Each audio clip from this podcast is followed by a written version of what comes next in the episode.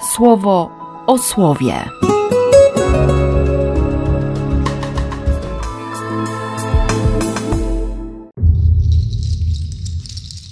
Dwudziesty piąty kwietnia, poniedziałek. Wszyscy zaś dla jedni drugich uniżonością serca owincie się, bo Bóg hardym przeciwstawia się, uniżonym zaś daje łaskę. To wydanie interlinearne grecko-polskiego Nowego Testamentu. Owinąć się uniżonością serca. Nowy przekład dynamiczny tłumaczy: Wszyscy zaś razem postępujcie wobec siebie w pokorze, a tysiąclatka powie: Przyobleczcie się albo no po prostu ubierzcie się w pokorę wobec siebie nawzajem. Tak od rana chodzi za mną ta myśl, że, że pokora to jest, to jest życie w prawdzie. Bycie pokornym to przede wszystkim przyjęcie prawdy o tym, kim jest Bóg i jaki jest Bóg, później przyjęcie prawdy o tym, kim ja jestem i jaki jestem, i wreszcie przyjęcie prawdy o tym, kim są inni siostry, bracia, jacy oni są.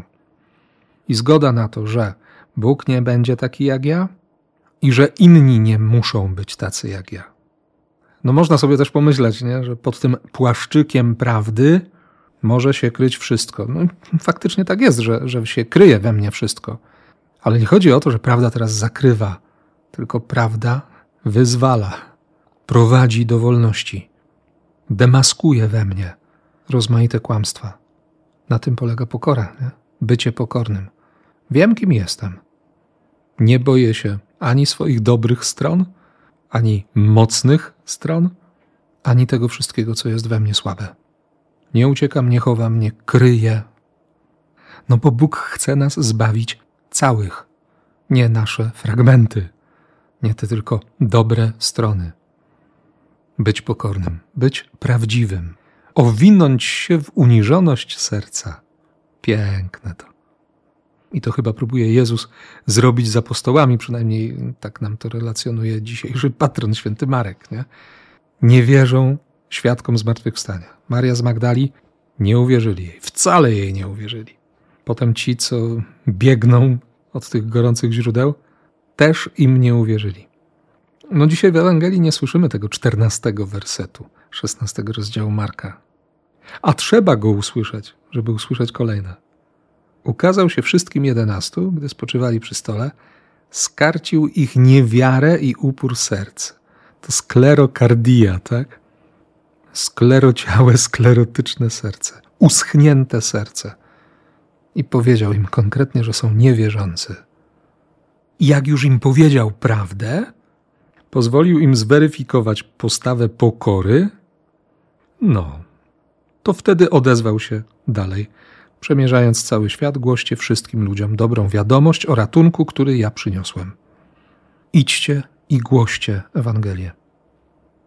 Wiecie, jacy jesteście, wiecie, kim jesteście? Jest szansa, że nie będziecie gardzić, nie będziecie poniżać innych, ale sami będziecie głosić Ewangelię w uniżoności serca. I będą znaki, które uczynią wiarygodnymi głosicieli Ewangelii wyrzucanie demonów, tak jak ja, nauczanie w różnych językach, odporność na działanie trucizn. Będziecie kłaść ręce na chorych, ci będą zdrowieć.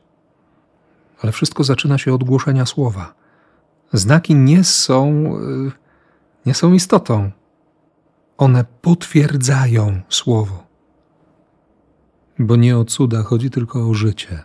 O życie wieczne, które które zaczyna się rozwijać, które tętni, które się objawia i które owocuje, bo się przyjęło Ewangelię. Żeby nie mieć niewierzącego i sklerociałego, to znaczy uschniętego, kamiennego serca. I żeby się dzień w dzień owijać w uniżoność serca. Tego Ci życzę i, i na to też błogosławię. W imię Ojca i Syna i Ducha Świętego. Amen. Słowo o słowie.